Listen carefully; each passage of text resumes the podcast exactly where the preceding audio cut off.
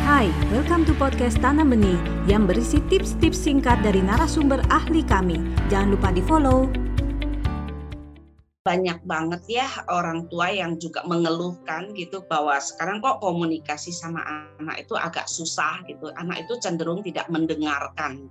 Nah, makanya kami di di konsep mindful parenting kalau dimensi pertama itu adalah bagaimana kita praktek mendengarkan dengan penuh perhatian dulu gitu.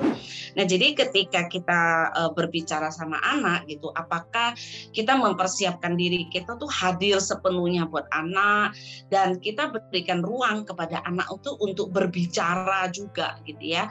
Nah, kalau kita memposisikan uh, anak sebagai teman untuk bicara gitu ya bahwa uh, mereka itu juga penting gitu ya di dalam berkomunikasi dan kalau kita bisa melakukan itu, saya rasa anak itu juga akan memperlakukan kita sama gitu. Jadi ketika kita uh, berbicara, anak itu juga akan bisa mendengarkan dengan dengan baik gitu.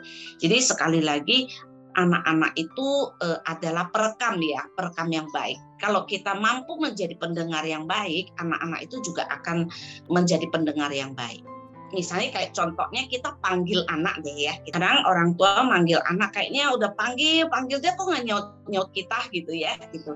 Jadi saya juga pernah mengalami hal yang sama gitu. Sehingga saya ngomong nih ke suami saya gitu ya. Maksudnya kenapa sih si Julian itu waktu saya panggil kok dia kayak nggak nyaut saya gitu kan gitu. Nah suami saya waktu itu bilang, coba kamu pikir-pikir deh, pernah nggak sih kalau Julian panggil kamu dan kamu nggak jawab? Gitu. Nah pada saat itu saya langsung ngerasa bahwa iya, berarti sebagai orang tua saya perlu introspeksi dulu gitu ya. Eh, akhirnya saya sadar mungkin aja saya pernah melakukan hal yang sama gitu. Dan saya datang ke Julian dan saya minta maaf sama dia mungkin mama pernah memberikan contoh gitu ya bahwa saat kamu panggil terus mama tidak menjawab gitu.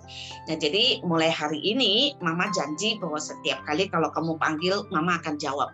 Nah akhirnya setiap kali kalau dia panggil saya langsung jawab dia kalau panggil mama saya bilang iya sayang gitu kan.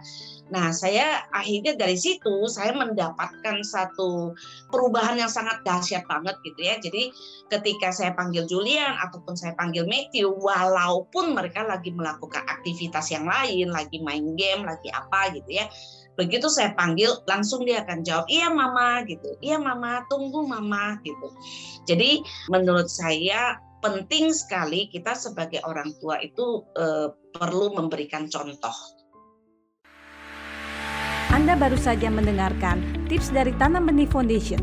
Mari bersama-sama kita terus belajar untuk menjadi orang tua yang lebih baik demi generasi yang lebih baik. Jangan lupa follow podcast kami.